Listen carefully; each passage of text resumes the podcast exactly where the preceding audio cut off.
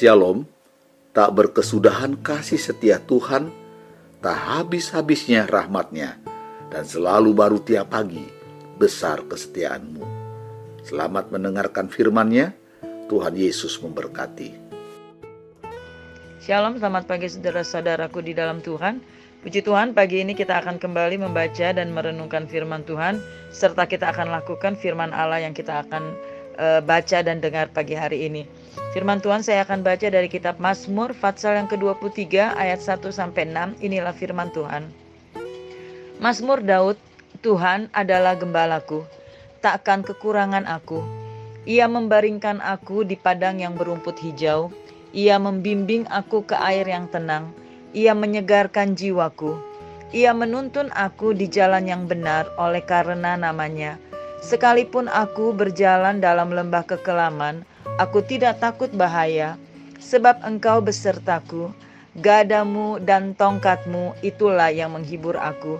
Engkau menyediakan hidangan bagiku di hadapan lawanku. Engkau mengurapi kepalaku dengan minyak, pialaku penuh melimpah.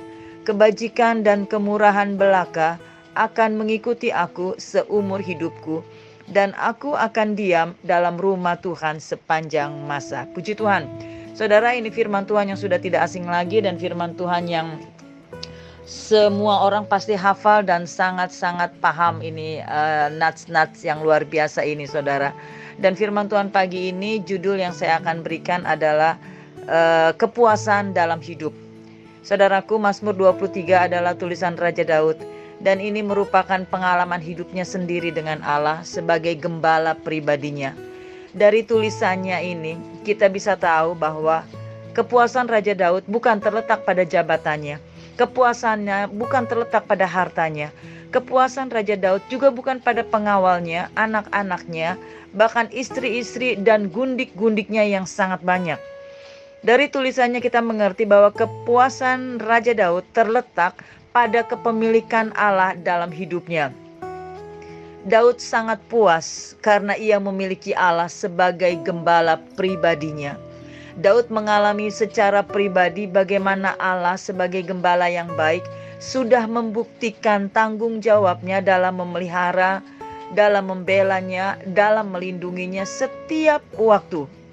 Bukan saja pada waktu dia ada sebagai gembala domba di padang rumput atau di padang gurun melawan singa dan beruang, tetapi dia mengalami pengalaman pribadi dengan Allahnya sebagai gembala pribadinya juga pada saat ia menjadi seorang raja atas umat Israel. Saudaraku, Daud mengalami Allah sebagai gembala pribadinya yang sangat baik Daud selalu mengalami Allah sebagai gembala pribadinya yang selalu berkarya dalam hidupnya. Gembala pribadi Daud adalah Allah yang selalu bekerja dan bergerak dengan sempurna dalam mendampingi dia setiap hari.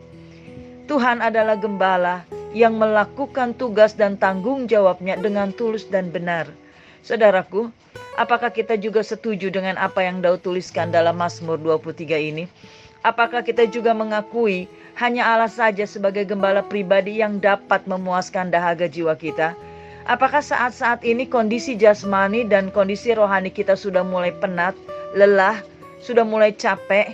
Kita sering kali haus akan keadilan, kita haus akan kasih sayang, kita haus akan perhatian yang tulus, kasih sayang dan cinta yang tulus dari keluarga kita, Bahkan sampai saat ini mungkin tidak ada seorang pun yang mengerti kehausan yang kita alami. Memang manusia bukanlah tempat kita uh, mendapat kepuasan siapa pun mereka saudara.